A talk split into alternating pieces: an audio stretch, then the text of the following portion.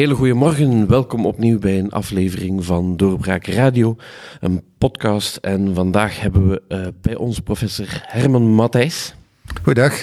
Uh, professor Matthijs is uh, professor aan de VUB en aan de EU Gent over publieke financiën. hij is ook voorzitter van de Hoge Raad voor Financiën. En dus uiteraard de ideale man om ons wat wijzer te maken over de Vlaamse regering. Het Vlaamse regeerakkoord en de cijfers die vrijgegeven worden. Voilà, we gaan eraan beginnen.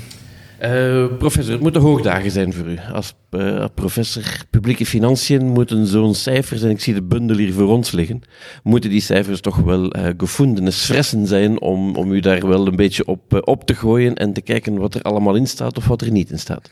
Dat is uiteraard een interessant uh, verhaal altijd bij nieuwe regeringen natuurlijk, om te zien wat het beleid voor de volgende jaren gaat zijn. Een beleid wordt altijd uitgedrukt in cijfers, in budgettaire cijfers. Dus uh, ik zal daar zeker uh, de volgende weken de studenten ook mee animeren de studenten. En, en wat van de oppositiepartijen? Want die klogen steen en been dat ze die vorige vrijdag niet kregen. Uh, wel, het is zo dat uh, een verschil moet gemaakt worden natuurlijk tussen een begroting, een regeerakkoord en een septemberverklaring. Die heeft trouwens die laatste is er dit jaar gewoon niet geweest, omdat er nog geen nieuwe Vlaamse regering was. Maar dat staat nergens in het decreet en ook niet in het reglement van het Vlaams parlement dat er uh, bij een regeerakkoord inderdaad ook budgettaire cijfers moeten zijn. Dat staat nergens. We hebben dat zelf wat uitgevonden, dus dat was welke een oorlog die feitelijk voor niet veel nodig was. De vertaling de financiële vertaling van het politieke regeerakkoord. Dat zal de volgende weken moeten blijken uit het ontwerp van de begroting 2020. Dus eigenlijk een storm in een glas water? Op zijn minst, ja. En denkt u dat het logischer zou geweest zijn om eerst over, laten we zeggen, het beleid te praten en dan pas over de cijfers? Ja, ik denk dat ook, omdat uh, natuurlijk, je kunt natuurlijk veel ideeën lanceren in een regeerakkoord, maar de budgettaire uitwerkingen daarvan de budgettaire ramen daarvan is niet altijd zo gemakkelijk. Hè. Je kunt bijvoorbeeld zeggen van kijk, uh, wij denken en estimeren dat dat zoveel zou kunnen besparen, uh, maar dat is meestal ook over een aantal jaren gespreid. Dus dat je daar ook niet onmiddellijk een groot zicht op hebt.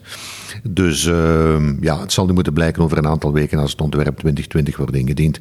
Wat men echt van plan is, wat men echt denkt wat men gaat besparen en wat het ergens meer zou kunnen opbrengen. Maar goed, er zijn een aantal belangrijke beslissingen genomen in het regeerakkoord. Hè, zoals bijvoorbeeld de woonbonus, besparen op het kindergeld, de verlaging van de erfenis- en schenkingsrechten, eh, besparingen in uh, bepaalde takken van het onderwijs en zo verder. Dus dat zal nu moeten blijken in de, het ontwerp 2020.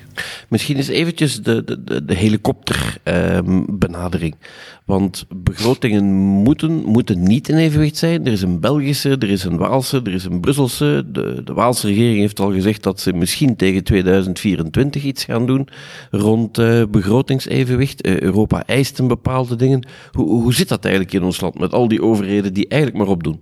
Wel, het is zo natuurlijk dat de, de, Europese jaarlijkse optelling van de begrotingstekorten, de zogenaamde Maastricht-normen, houden in dat u feitelijk niet meer dan min 3% van uw BBP in het rood mag gaan in de volledige optelsom van alle begrotingen gaande van de lokale besturen tot en met de federale overheid. Dus wij zijn in 2018, dat zijn de laatste, laatste cijfers, is heel dit land samen, alle overheden samen, geëindigd op een nominaal tekort van min 0,7 bbp. Dat is nog altijd een tekort, optelsom van alles. Maar was bijvoorbeeld een stuk beter, de 0,7 nominaal tekort, dan toen de regering Michel begonnen is eind 14. Toen zaten we quasi aan min 3. Het structurele tekort is wel een stukje hoger. Uh, maar dat heeft te maken met conjuncturele zaken die men er in en uithaalt. Maar ik denk dat globaal het nominale tekort uh, het meest belangrijke is. In principe zou dat nominaal tekort nu moeten zakken doordat men op federaal vlak gebruik maakt van de voorlopige kredieten. Daarmee zijn de uitgaven federaal gelimiteerd aan de laatst goedgekeurde begroting, die van 2018. Dus daar kan men dofies nooit iets verkeerd mee doen. Je gaat er altijd mee besparen. Alleen is het natuurlijk zo dat in de sociale zekerheid uh, vooral de pensioenlast uh, de volgende jaren nog enorm zal stijgen. En dat wordt natuurlijk wel een probleem voor het globale tekort. Maar Iedereen zit velk in het rood. Het grootste stuk van het, tekortprobleem is een federaal probleem. Ook alle deelstaten zitten nu velk in het rood. Het zijn de lokale besturen die grosso modo nog in evenwicht zitten. En ja, daar zal inderdaad ook nog eens een akkoord over moeten gesloten worden de volgende jaren. Want het laatste interfederale akkoord dateert ook al van 2014. Uh, tussen al die overheden om eens een plan te maken om toch eens ooit naar een globaal evenwicht te gaan, dat we in dit land nog nooit bereikt hebben. Als u dan kijkt naar onze noorderburen in Nederland, waar we ondertussen overschotten heeft van richting 12, 13 miljard euro per jaar. Maar de vraag is natuurlijk, is daar ergens een scheidsrechter? Want iedereen blijkt zomaar op te doen. Iedereen blijkt zomaar zijn eigen begroting te maken. Eh, ja, inderdaad, dat is ook zo. Iedereen heeft zijn eigen eh, budgettaire autonomie en politieke autonomie. Dus het enige wat de federale regering kan doen, is iedereen eens proberen aan tafel te krijgen. Uh, dat heeft de regering Michel ook geprobeerd. Maar aangezien de toenmalige politieke samenstelling in de vorige coalitie Waals en Frans en Brussels anders waren dan Vlaanderen en federaal, is er eigenlijk nooit veel akkoord uitgekomen. Dus iedereen doet maar op. Dus de Hoge van Financiën kan af en toe wel eens zeggen van kijk mensen, daar moet je toch eens iets volgens ons gedaan worden om naar een, uh, een, gezamenlijk beleid te gaan. Europa zal daar ook wel op de nadruk leggen de volgende dagen en weken. Maar als such is de federale overheid die daar velk het initiatief moet nemen. Maar die federale overheid zit nu velk in lopende zaken. Daar is velk geen echte federale regering. Dus we zullen moeten wachten tot er eens een nieuwe federale regering komt in het post-Michel-tijdperk. Uh, of daar terug een initiatief over genomen wordt. Want ja, we zouden toch eens ergens ooit in een evenwicht moeten gaan geraken. En natuurlijk, uh, bijvoorbeeld langs de Franstalige kant zegt men van ja, gaan wij de volgende jaren met tekorten werken voor meer te investeren. In Vlaanderen doet men dat dit en volgend jaar blijkbaar ook al. Ja, als niemand natuurlijk overschotten maakt over een evenwicht gaat, gaan we globaal ook in het negatief blijven natuurlijk. Hè. Dan blijft natuurlijk de vraag, is dat eigenlijk wel een probleem? Want ik hoor veel mensen zeggen, de rente staat enorm laag, dus negatief, we winnen geld door te lenen. Professor De Grauwe heeft al laten weten, ja, dat begrotingsevenwicht is een fetish. We moeten op, groei inzetten, niet op begrotingsevenwicht. Uh, in Europa gaan ook al stemmen op om, om, om, om, om die strikte benadering te verlaten. Is een begrotingstekort eigenlijk vandaag nog wel een probleem? Ja, maar eh, we zitten natuurlijk wel met een schuldgraad globaal van meer dan 100% van ons BBP. Hè. Nederland zou kunnen zeggen van kijk, we gaan meer investeren, wat we in Nederland ook gaan doen, met een overschot op de begroting trouwens. Maar Nederland zijn schuldgraad is tot 50% al verlaagd. Wij zitten met 100% en men kan inderdaad vandaag wel stellen van kijk, de rente staat historisch laag. Wij winnen daar feitelijk op met de hernieuwing van leningen, dat is juist. Maar niemand kan ja of nee zeggen op de vraag waar de rente over vijf jaar gaat staan. Stel dat die rente terug gaat stijgen, ja, dan zijn we hier budgetair wel heel zwaar gepakt natuurlijk. Hè. Hadden de laatste jaren hebben het nagelaten in dit land om een structurele aanpak te doen van het schuldenprobleem. Dus eigenlijk is ook de regering Michel er niet in geslaagd van daar fundamentele koerswijzigingen nee, te zetten. Nee, het enige wat men gedaan heeft is eigenlijk een deel van de BNP-aandelen verkocht en dat gebruikt voor de schuld af te bouwen, maar structureel is daar weinig of niets mee gebeurd. Uh, ik geef wel toe dat er een probleem is in dit land, dat er globaal bekeken vanuit de overheden te weinig wordt geïnvesteerd. En daar bedoel ik vooral in de infrastructuur. Maar uh, ja, dat heeft natuurlijk ook te maken met het feit dat men daar de laatste twintig jaar gemakkelijk hetzelfde op bespaard heeft. Hè. Men heeft gezegd van aan de sociale zekerheid en aan het personeel gaan we niet raken, want dat is politiek het moeilijkste. Dus we gaan maar wat eh, besparen op de investeringen. En je ziet natuurlijk ook het, de gevolgen daarvan vandaag aan de kwaliteit van het wegennet bijvoorbeeld. Gaat er iets aan gebeuren? Want ook bij de regering in twaalfde gaat dat ook waarschijnlijk niet, uh, nee, De federale regering kan voor het moment niet veel doen. Hè. Ze zitten in voorlopige kredieten, gebaseerd op de laatst goedgekeurde begroting. Dat is die van 2018, dus ja, daar zal niet veel gebeuren. Dus dat is afwachten uh, of er een nieuwe federale regering komt. Ik vermoed niet meer dit jaar. Dus uh, gaan we dus heel het jaar verder werken op de kredieten van 18. Het argument was altijd, kijk, we moeten een regering hebben omdat het moet van Europa. We moeten een begroting hebben tegen half oktober. We moeten, want anders gaat Europa dit of dat. Andere mensen zeggen, ja, Europa gaat helemaal niks. We hebben eigenlijk helemaal geen regering nodig. En hoe langer ze in twaalfde blijft zitten, hoe minder ze kan uitgeven. Wel, Europa kan natuurlijk wel zeggen dat er een begroting moet zijn. Uh, dat staat ook zo inderdaad in de Europese begrotingsregels tegen half oktober. Maar goed, er is geen regering, er is ook geen parlementaire meerderheid. We zitten ook in een exceptionele situatie dat we regeringen lopende zaken hebben die zelfs geen meerderheid heeft in het parlement. De huidige drie partijen, Open VLD, de MR en CD&V, hadden samen maar 38 zetels op de Kamer op 120. Dat is nog nooit in de geschiedenis gebeurd.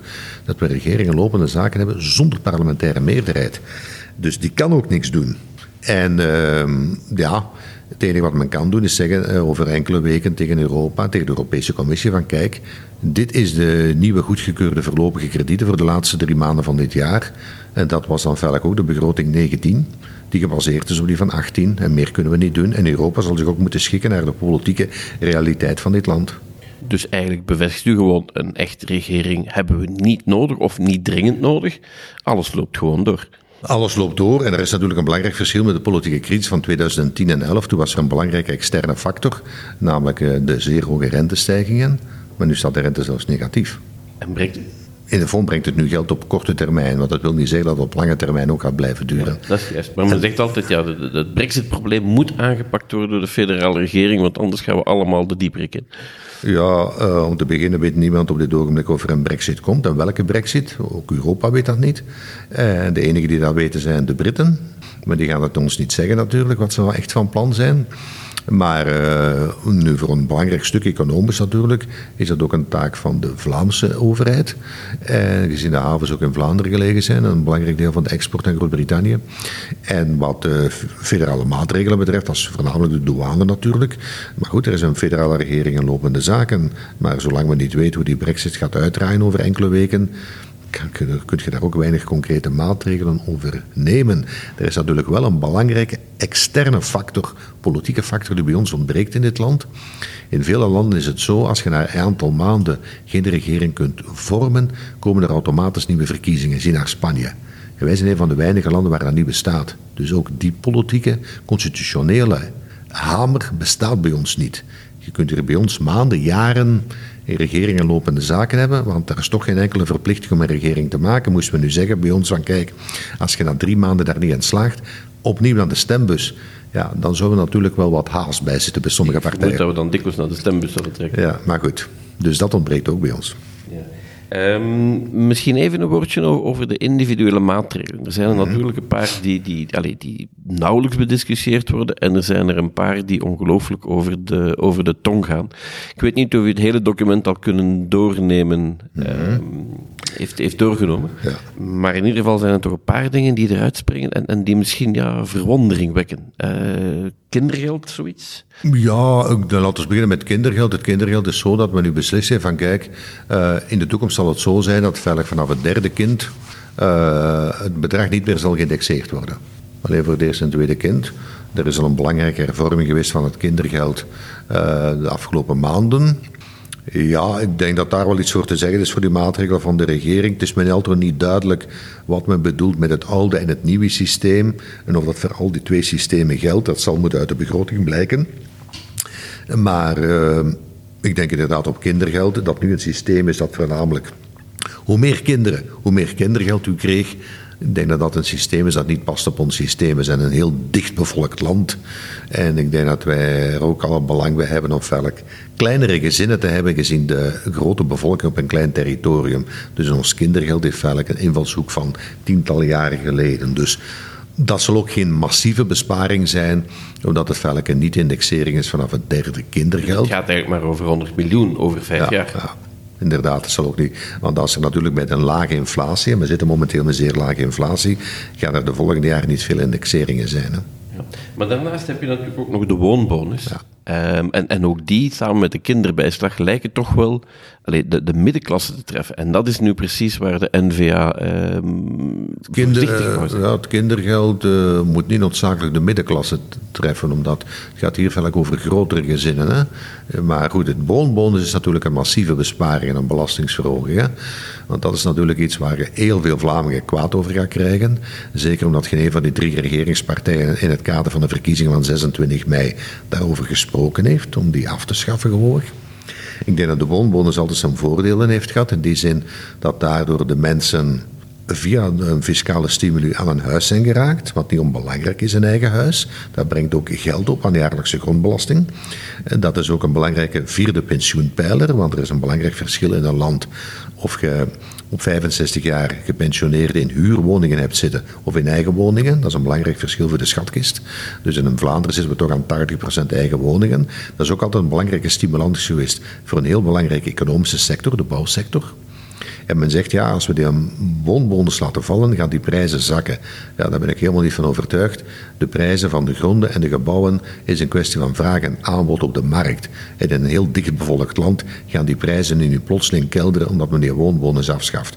Enige compensatie is een een verlaging van de registratierechten van 7 à 6 procent.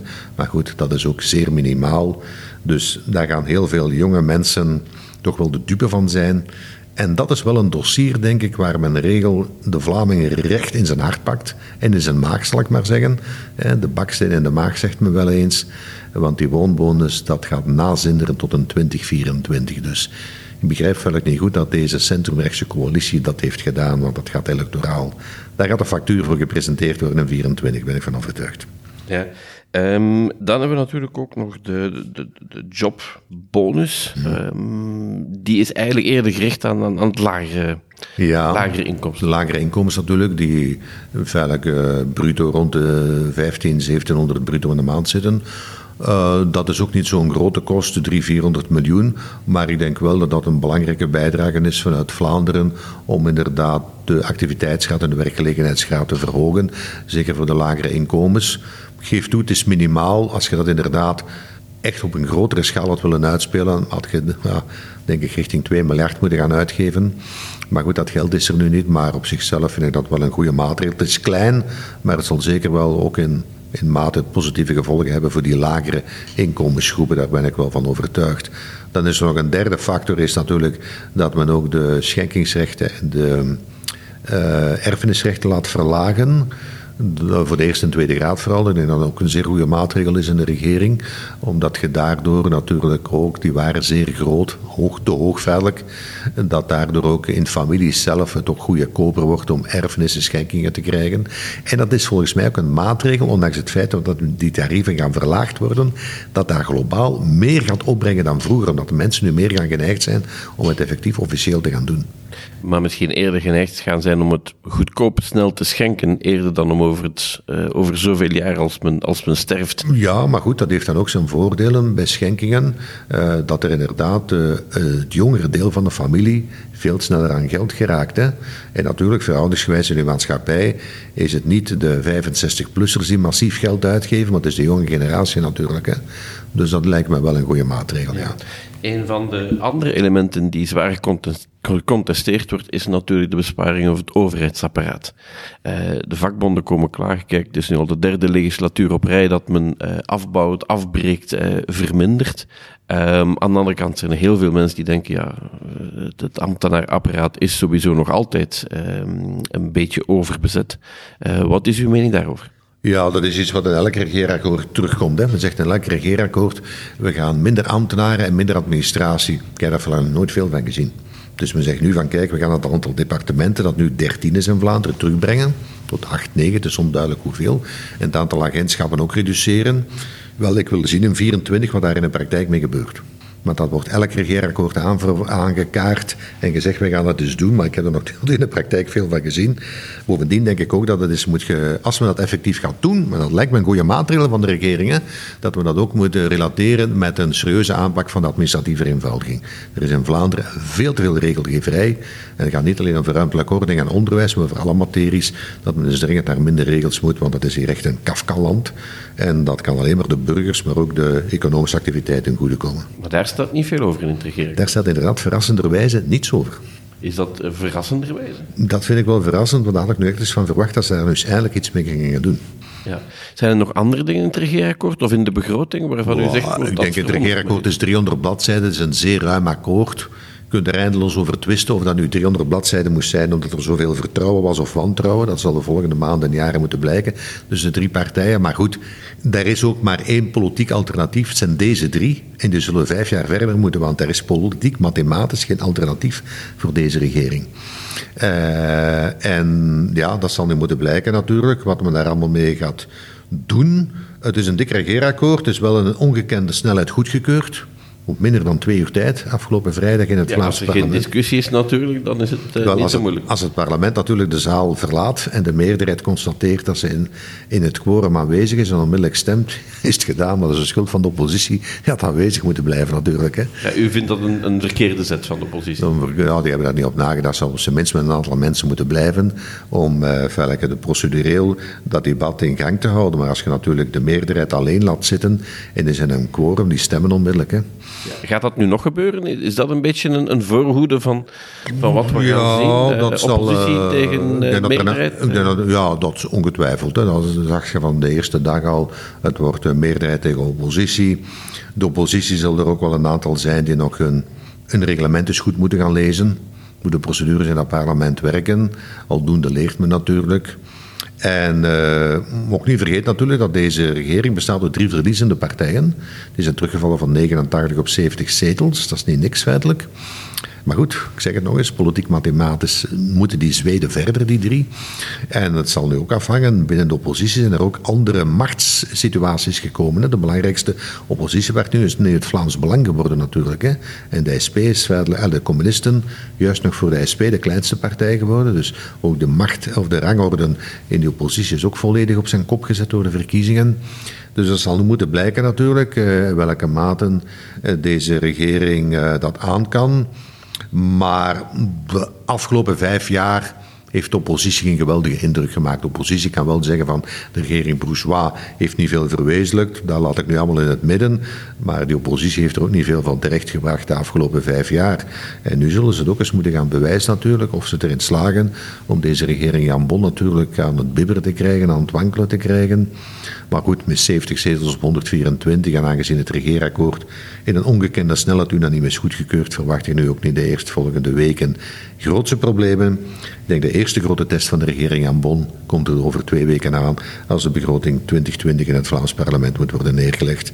En dan zal er inderdaad over echte cijfers politiek moeten gedebatteerd worden. En dat is waarschijnlijk dan een subset van wat we hier nu op tafel hebben liggen. Ja, ja. dus dan moet er inderdaad een toelichting worden gepresenteerd, de middelenbegroting met echte cijfers voor volgend jaar en ook de uitgaven voor uh, volgend jaar. En dan zal er ook al een kijk zijn op de toekomst, wat men echt van plan is. En dan zal ook eens moeten blijken wanneer dat men in Vlaanderen naar een begrotingsevenwicht gaat. Hè.